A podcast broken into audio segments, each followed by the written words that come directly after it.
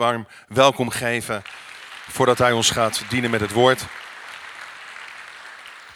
Van harte welkom en God zegen Rick. Dankjewel. En eh, hij gaat ook eh, spreken over het bewogen gebed wat dat inhoudt. Goedemorgen allemaal. Leuk om, eh, om bij jullie te zijn. Ik, ik was hier vorige week vrijdag nog heel eventjes.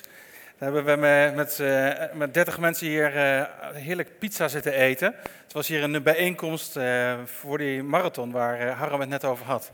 Maar leuk, leuk om bij jullie te zijn. Ik, ik, ik hoorde dat Jelmer ziek was. Wel jammer. Dat, eh, Jelmer is een jaartje of wat zijn, denk ik een jaartje of vier geleden, meegeweest met mij op reis naar eh, Indonesië. En toen was hij behoorlijk aan het opscheppen over wat hier allemaal gebeurt in deze kerk. Dus ik vind het heel erg leuk eh, om, om jullie nu zo te zien. En ehm, ik vind het sowieso heel erg leuk om op zondag ehm, echt, echt Gods hart eh, uit te spreken over mensen. Over jou, over u, en, ehm, en, en het mooie van God is, hij werkt altijd via de kerk, de lokale kerk. En, en weet je, de kerk is niet altijd perfect.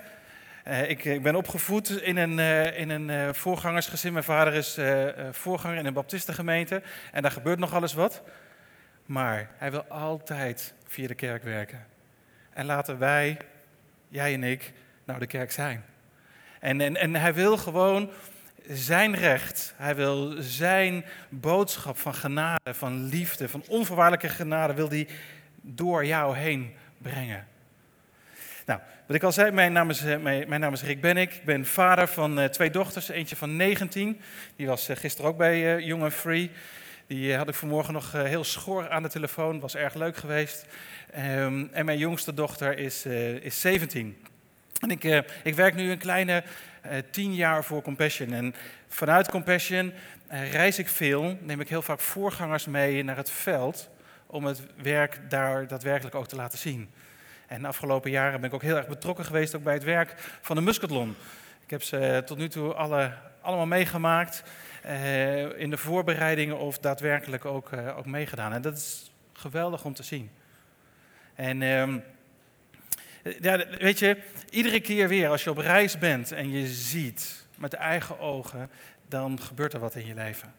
Dan komt er een stuk bewogenheid en soms ook een stukje hopeloosheid. Want als je in een sloppenwijk zit en je ziet wat dat met mensen doet, wat armoede doet met mensen, dat, dat, dat, ja, dat gaat soms ook naar binnen werken. En dat is, eh, dat is soms heel heftig. Maar tegelijkertijd zie je hoe mooi dingen ook, ook, ook gewoon echt zijn. Weet je, vanmorgen ehm, gaat het over eh, bewogen gebed. En ik heb begrepen, jullie zitten in, vol in een serie eh, over gebed. En een van de eerste dingen die ik geleerd heb op de Bijbelschool is: bidden is zeggen wat God zegt. Dus dat gaan we ook vanmorgen gewoon doen. Ook als het over, over armoede en gerechtigheid gaat, dan gaan we zeggen wat God zegt.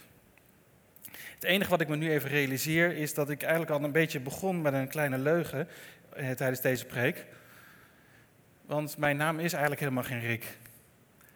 Mijn echte naam is Hendrik. En eigenlijk ben ik daar heel trots op dat ik Hendrik heet. Alleen de enige die mij nog Hendrik noemt is eigenlijk de Belastingdienst. Die noemt mij nog H. ben ik. En op mijn loonstrookje staat ook nog H. ben ik. En ik denk ook wel op mijn giropas. Maar voor de rest helemaal niemand. En ik, ik ben heel trots dat ik Hendrik eigenlijk heet. En ik heb nog één oude tante die me dan nog heel af en toe nog Hendrik noemt. Maar de rest niemand. Ik ben vernoemd naar mijn opa.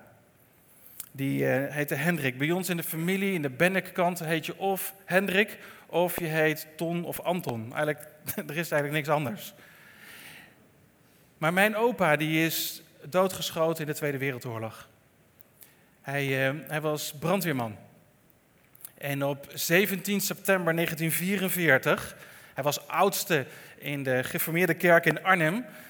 En op 17 september 1944 um, probeerden de Engelsen probeerden Europa uh, te bevrijden. Dus toen kwamen op een gegeven moment al die parachutisten die kwamen over Arnhem heen vliegen.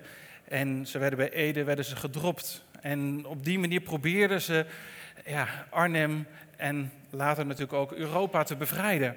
En tijdens eh, die paniek die op die zondagochtend 17 september was, hij zat net zoals u en ik op dat moment in de kerk, hij werd eruit gehaald, ben ik, je moet gaan blussen. Want ze hadden een hoofdkwartier van de Duitsers in de fik gestoken. En hij moest daar naartoe om dat te blussen, want ze wilden zoveel mogelijk eh, spullen proberen te bewaren die ze gestolen hadden. En, nou. en onderweg daar naartoe is hij doodgeschoten. En het was chaos in de stad. En uh, van mijn opa zijn er eigenlijk nog maar twee dingen over. Fysieke, uh, hoe, zeg ik dat?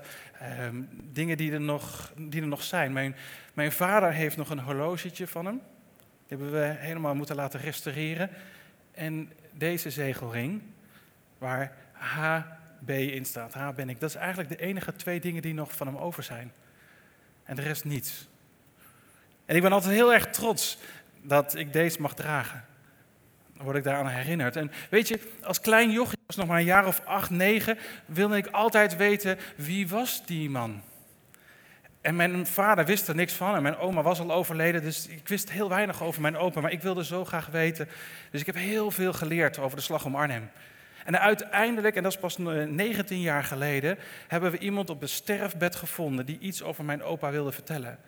Die generatie die vertelt niets over wat er gebeurd is. En uiteindelijk hebben we gehoord, en dat was, ja, vond ik geweldig, dat mijn opa in zijn, zijn beroep was die slager.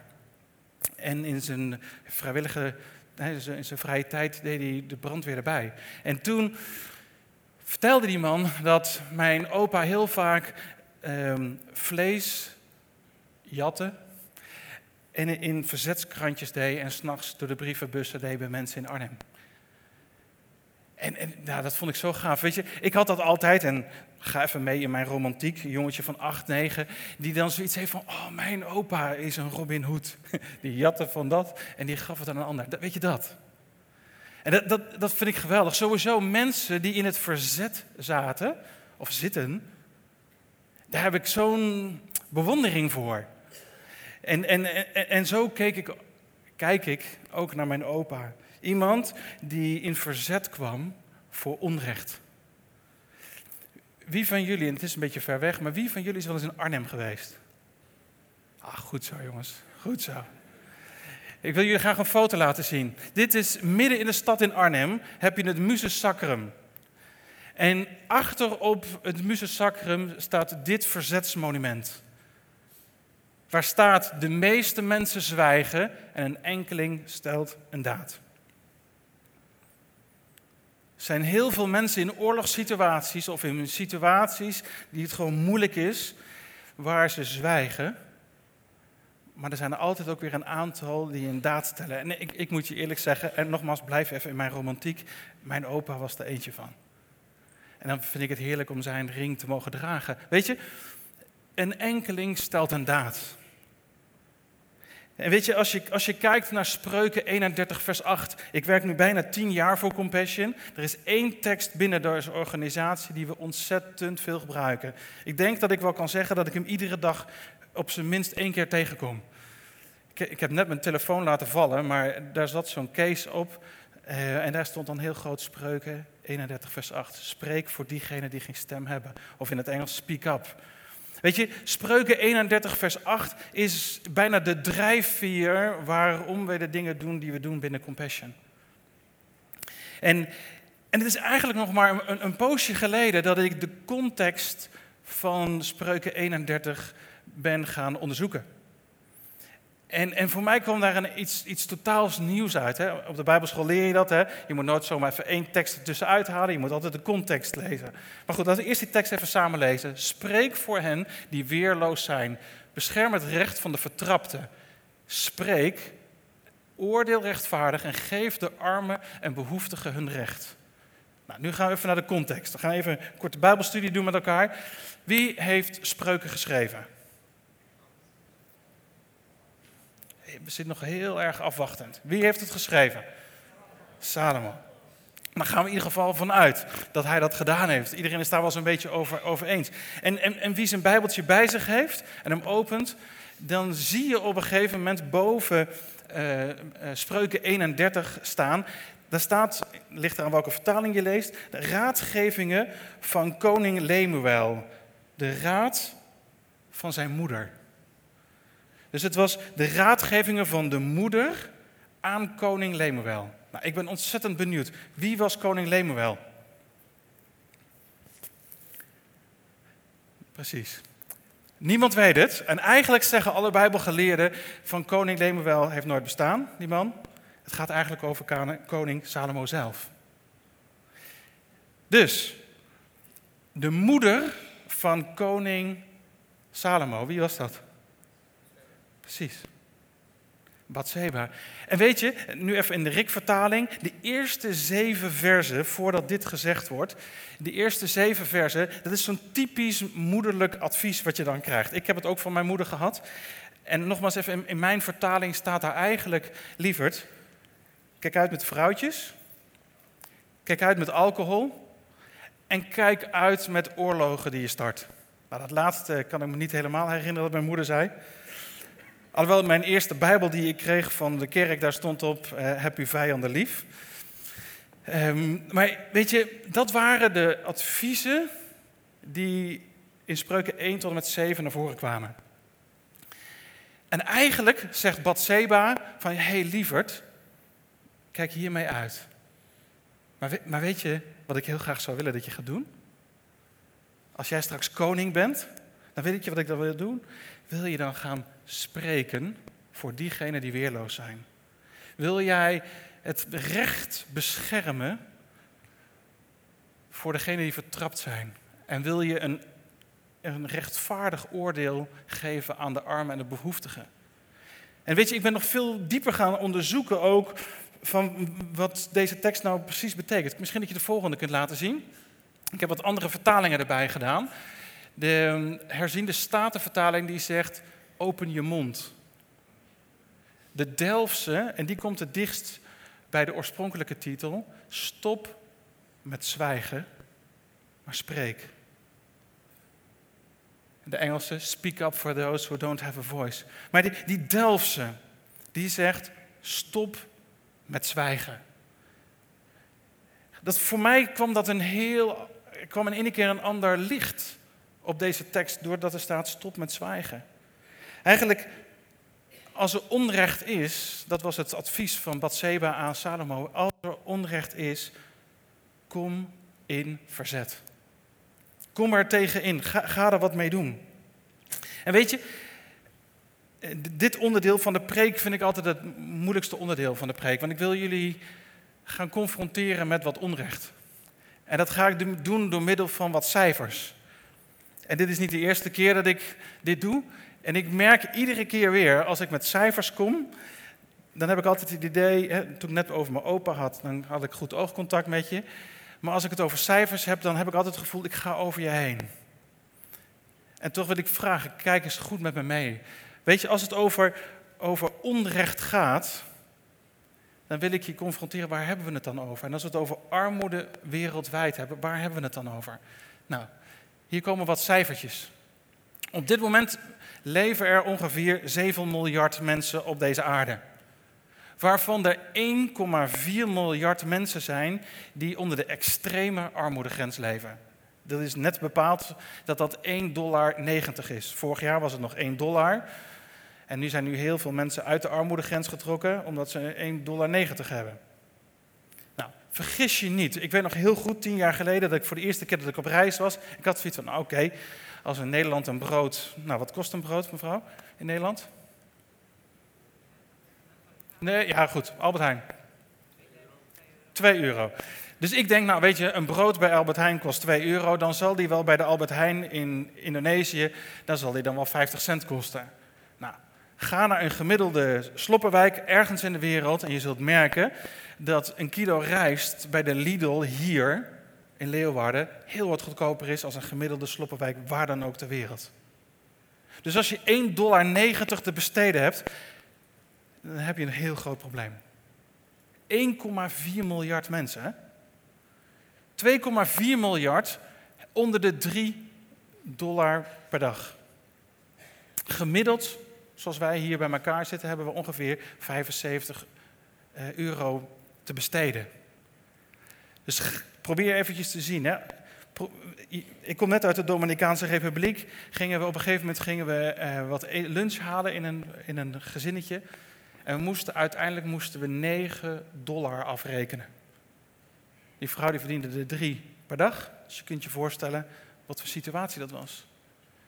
En ik ging de, de week daarna ging ik naar de, uh, de Jumbo bij ons om de hoek. Ik heb exact hetzelfde gekocht als ik daar kocht. En ik betaalde 3,58 euro. Dus vergis je niet, dit zijn verschrikkelijke prijzen. Volgende plaatje. Op dit moment zijn er meer dan een miljard mensen die geen toegang hebben tot schoon drinkwater. Dus die staan te likkenbaarden als ik dit opdrink. Want hier krijg ik geen diarree van. Wij gebruiken gemiddeld 400 liter per dag, per persoon. Op dit moment zijn er alleen al 27 miljoen slaven.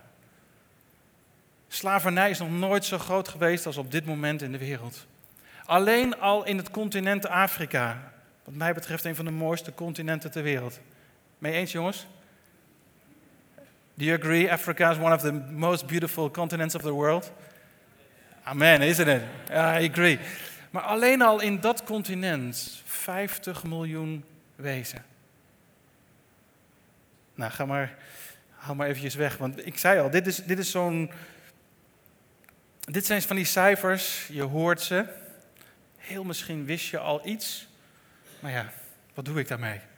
Weet je, vanmorgen gaat de hele preek over één ding. En dat is zwijg niet. Weet je, het mooie is, als je, als je het over Jezus hebt, als je het hebt over, als je, als je de evangelie leest, overal waar onrecht was, zweeg Jezus nooit. Als er onrecht in jouw leven op dit moment is, zwijgt Jezus nooit. En er zitten een paar theologen die nu zeggen: Hé, hey, maar Rick, er is één moment dat Jezus niet zweeg. Toen er onrecht was. Nou, dat klopt. Dat was onrecht voor zijn eigen leven.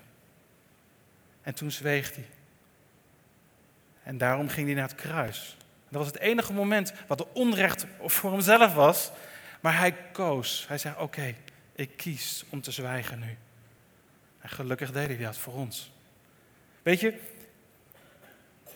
Jezus kwam en komt altijd in verzet als er onrecht is. Daarom is het zo belangrijk. Laat je stem horen. Weet je, jullie hebben een prachtige verbouwing hier aan de binnenkant gehad. Hoe cool zou het zijn? Hoe, heet de burgemeester hier in Leeuwarden? Kronen. Hoe, hoe cool zou het zijn als eh, meneer, het is meneer neem ik aan, meneer Kronen Nicolaar gaat bellen maandag. En die zegt, weet je wat, ik zou zo ontzettend graag zo'nzelfde verzetsmonument zoals in Arnhem, die zou ik heel graag aan de gevel hier willen laten hangen. Aan deze kerk. Waarin staat, de meeste mensen in Leeuwarden zwijgen, maar die, hoe, heet, hoe noemt dat, Salverotanen? Nee, Salverotanen noemde jij toch net? Die, maar die zwegen niet. Die kwamen in actie. Hoe, hoe cool zou dat zijn? Kijk, kijk, als Nicola het zelf gaat ophangen, ja, een beetje discutabel. Maar op het moment dat de burgemeester zegt van mij, jongens, deze kerk, deze Salvator mensen, die, die praten niet alleen, maar die doen ook wat. Weet je, dat is, dat is de essentie van je stem laten horen. Weet je, God wil dat wij in verzet komen waar er onrecht is. En weet je, armoede, en of het nou extreme armoede is of armoede onder de 3 dollar, dat is onrecht. Weet je, het is zo'n ontzettend onrecht dat gewoon tussen, gewoon vandaag er weer 19.000 kindjes sterven tussen de 0 en de 5 jaar. Iedere dag weer opnieuw. Weet je, we, hebben allerlei um, gedenkmomenten waarop we eh, het nadenken over 11 september. En ik zeg niet dat je dat niet moet doen, maar iedere dag vinden er zes 9-11's plaats. Iedere dag. En dat is onrecht. En weet je, weet je het allerergste is? Het is gewoon echt niet nodig. Weet je, God heeft deze aarde gemaakt met 7 miljard mensen. En, en denk je nou dat God iets maakt waar tekort is? Ja, ik, weet niet wat jouw beeld van God is, maar mijn beeld is echt niet. God is een papa en die zorgt dat er echt voldoende is. Alleen de verdeling van de, eh, de rijkdom die er is, die, die, die gaat mank. Maar dat ligt niet aan vader. Dat ligt eraan hoe wij dingen verdelen. En dat is onrecht. Dus armoede is onrecht. Dus ik, ik geloof met heel mijn hart dat God ons, jou en mij, een opdracht geeft om te stoppen met zwijgen en iets te gaan doen. Ik, ik heb laatst nog een discussie gehad met mijn pa. Ik heb bijna 25 jaar onder zijn gehoor gezeten in de kerk. En ik zeg, pa, hoe komt het nou dat, wij, dat jij eigenlijk nooit gesproken hebt over armoede en gerechtigheid? Terwijl, wie, wie heeft er even een bijbeltje voor me? Ik heb alleen een digitale bijbel. Wie heeft er een bijbeltje bij de hand? Ja, dat is de ellende tegenwoordig. Weet je, in deze bijbel staan 6, nee, 28, 2800 versen over armoede en gerechtigheid. 2800 versen. Ik heb, toen ik bij Compassion kwam, heb ik een Bijbel gekregen. En dan hadden ze dat allemaal oranje gemaakt. Hadden ze hem helemaal gemankeerd. 2800 versen. Je kunt bijna niet een pagina openslaan. Of het gaat niet over armoede en gerechtigheid. Weet je, het, is Gods hart en daarom ons opdracht om daar iets aan te doen. Daarom is zwijgen geen optie. Die hele Bijbel roept uit tot verzet. Om in verzet te komen tegen onrecht. Nou, volgens mij heb ik dat punt wel weggemaakt. Toch? In middenvak ook? Hun knikte al een, al een paar keer ja. Maar hoe doe je dat nou? Hoe kom je nou in verzet? Weet je, ik wil nog één ding zeggen over, over zwijgen. Ik wil gewoon eigenlijk gewoon knoeterhard zeggen, zwijgen is dodelijk. Een van de allerergste dingen die je kunt doen als er onrecht is. Hè?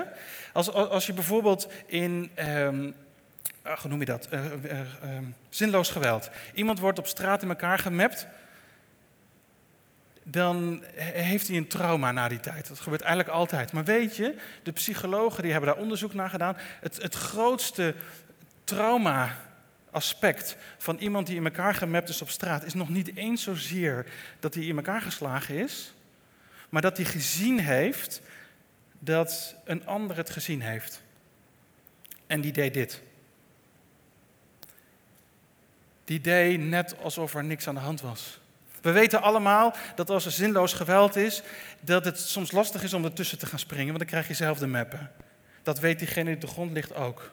Dus dat is het trauma niet. Maar de mensen die hun hoofd wegdraaien en net doen of er niks aan de hand is. Je eigen hachje redden is hartstikke logisch. Mensen die in het verzet zaten in de oorlog, joh, hartstikke logisch. Wat mijn opa deed, ik zeg het nu met trots, maar mijn oma was er denk ik niet zo heel erg blij mee. Want als hij gesnapt was, dan had hij de kogel gekregen. Dus soms in verzet komen, kan je iets kosten. Maar zwijgen is geen optie. Weet je, zwijgen is dodelijk. Ik, vroeger ging ik heel vaak naar het klooster. Nou, een van de domste fouten die ik mij heb gemaakt, ik ging op een gegeven moment naar zo'n zwijgklooster. Nou, ik werd echt binnen twee, drie uur werd ik ramgek. Maar ze vertelde mij dat een van de, dingen die daadwerkelijk stuk gaan in een zwijgklooster, als je maar lang genoeg zwijgt, is onder andere je stembanden. Zwijgen is dodelijk. Weet je, we zeggen dat ook hè, in, in ons taalgebruik. Hè, wie, wie zwijgt, stemt toe. Nou, waar we het allemaal over gehad hebben, daar willen wij niet over zwijgen. Dus hoe ga je dat doen? En, en, en een van de eerste dingen die ik tien jaar geleden toen ik op reis kwam, dan krijg je dat allemaal over je heen. Net zoals het Harm vertelde over, hij is in de Sloppenwijk geweest, is in een huisje geweest. En dan word je helemaal, ja, hoe zeg ik dat netjes? Dan word je helemaal gek van wat je ziet. De geur, de hopeloosheid die je ziet. En dat is een groot gevaar, dat je dan kunnen er twee dingen gebeuren. Hè? Dus je gaat vechten of je gaat vluchten. Nou, ik ken ze alle twee in mijn leven. Ik heb en gevochten en ik heb gevlucht. Allebei. En ik weet nog zo goed, een aantal jaar geleden, ik, ik ben denk drie of vier keer in India geweest. In, in het, uh, ik wilde zeggen het huisje, maar eigenlijk in, de, in het kamertje van moeder Teresa. Als je dat kamertje inkomt, nou wat zal het zijn, het is twee bij twee denk ik. En daar stond alleen een, iets wat ze een bed noemde. Het was echt een houten ding, geen matrasje en een paar pennen. Dat was eigenlijk het enige bezit wat zij had. En moeder Teresa heeft heel veel momenten gehad dat ze aan het vechten was, maar ook aan het vluchten was. En zij heeft mij in ieder geval heel erg geholpen met haar, met haar quotes. Een van haar quotes is, en ik, ik doe maar even lekker persoonlijk op mijzelf. Rick, je kunt niet de hele wereld redden. Maar je kunt wel de wereld redden van één, van twee, van drie, van vier. Daarom 30 kinderen. Dus je kunt kijken naar wat je niet kunt, maar je kunt ook kijken wat je wel kunt. En dat is nou zo leuk aan Jezus. Dat doet Jezus ook. Jezus wil jou gebruiken, wil u gebruiken om datgene te doen wat haalbaar is. Weet je, diezelfde moeder Teresa die zei, als ze nu hier in Leeuwarden was geweest, dan had ze gezegd, weet je, ik ben hem echt helemaal even kwijt, joh. Wat ze nou ook weer zei. Oh ja, tuurlijk. God heeft geen andere handen, geen andere voeten, geen andere mond in Leeuwarden als die van jou en die van jou en die van jou en van mij. Weet je, dus je kunt dingen heel groot maken, maar het mooie is, je kunt het ook wat kleiner maken en gewoon heel specifiek kijken van wat je wel kunt doen. En weet je, het is ook zo belangrijk dat je Gods waarheid pakt. Weet je, als, als ik in zo'n sloppenwijk ben, en misschien heb jij dat gevoel nu ook al een beetje, dat benauwde zo van, oef, het is wel heel veel. Weet je, het is zo belangrijk om Gods waarheid te zien. Ik kan inderdaad de hele wereld niet veranderen, maar God dank heeft God mij wel de mogelijkheid gegeven om in de levens van een heel aantal andere kinderen wel het verschil te kunnen maken. Weet je, dat, dat heeft, dat kan ik wel doen. Het is Gods waarheid en het is vooral belangrijk dat je spreekt. En weet je wat belangrijk is in spreken? Spreken is niet zoals je alleen maar luchtverplaatsing, het Bijbel spreken, maar het spreken, zoals in de Bijbel staat, is en de luchtverplaatsing en je handjes. Er is een andere organisatie die heet Woord en Daad. Die doet eigenlijk een beetje hetzelfde als wat Compassion doet. Nou, dat is precies het Bijbelse spreken. Het is precies het Bijbels gebed. Het is het woord, het zeggen en de daad, het doen. En daarom weet je, God wil dat we in verzet komen voor onrecht. En ik geloof met heel mijn hart dat de eerste roeping voor jou, voor u, voor mij, voor deze kerk ligt in Leeuwarden.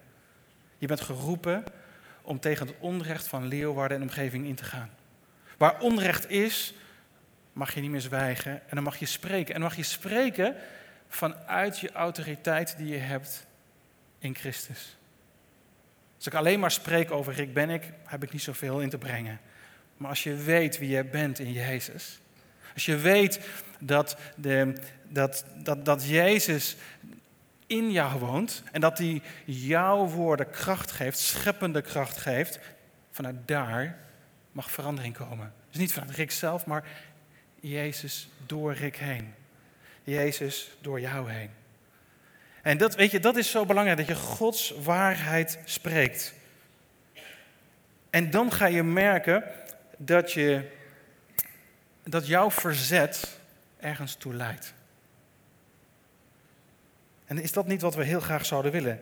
Weet je, nog heel even iets over, over, over, over, over compassie. Hè? Weet je, bewogen zijn voor situaties of empathie voor iets hebben. De, de, vluchtelingen die, de, de vluchtelingenstroom die er komt, kun je inderdaad, oh, als je dat op televisie ziet, oh, wat, wat erg, wat erg. dat, kan een, misschien een bepaalde bewogenheid zijn of een bepaalde empathie, maar het woord compassie in de Bijbel betekent nog iets veel meer. Het is een, een vanuit binnen naar buiten kerende ehm, emotie die direct leidt tot actie. Het is net zoals het spreken. Het is niet alleen maar lucht verplaatsen, maar het is ook de daad. En zo is het ook met bewogenheid. sommige vertalingen hebben het over de bewogenheid van Jezus, de andere hebben het over de compassie van Jezus. Nou, het, het gaat erom dat het van binnenuit komt. Dat het van binnen door Christus, door de filter van Jezus, naar buiten komt. En dan kun je een groot verschil maken. En dan kun je ook een daad stellen. Want vanuit jezelf kun je het waarschijnlijk niet. Tenminste, het is mij niet gelukt in al die jaren. Maar in Christus en door Christus kun je, kun je dingen gaan doen. Dus vanmorgen is mijn oproep. Laat je stem horen. Zwijg niet. Mag ik het nog platter zeggen? Draai je hoofd niet meer weg. En al helemaal niet je handen op je hart wegdrukken. Laat het toe. En vraag God, wat wilt u dat ik kan doen in deze situatie? Het allerergste is dat je meteen zegt: Oh, Rick, geef mij alle kindjes maar van Compassion. Ik ga ze allemaal sponsoren. Ik ga doen, ik ga doen. Nee, vraag God: Wat wilt u dat ik namens u doe in deze situatie? Anders ga je vechten uit je eigen, je eigen ding. En, hoe cool is het? Hoeveel mensen zitten hier? 400? 300? 400? Hoe cool zou het zijn Weet je, want op dit moment, hè, we hebben dan 7 miljard mensen op deze wereld. Als, als iedere, er is een groot onderzoek gedaan in Amerika, dat als iedere christen op dit moment eh, niet 1% geeft van zijn inkomsten, want dat gebeurt op dit moment, hebben we het over westerse christenen. Maar als die naar 2% zou gaan, dan zou armoede in ene keer weg zijn financieel gezien. Armoede is nog veel groter als alleen maar financieel, maar dan zou weg kunnen. Dus weet je, er is zo gemakkelijk is er een oplossing voor. Alleen doordat we denken dat het zo mega groot is, vergeet je dat het heel makkelijk is. Vanmorgen is mijn vraag: wil jij in verzet komen? Mag ik je vragen om te gaan staan?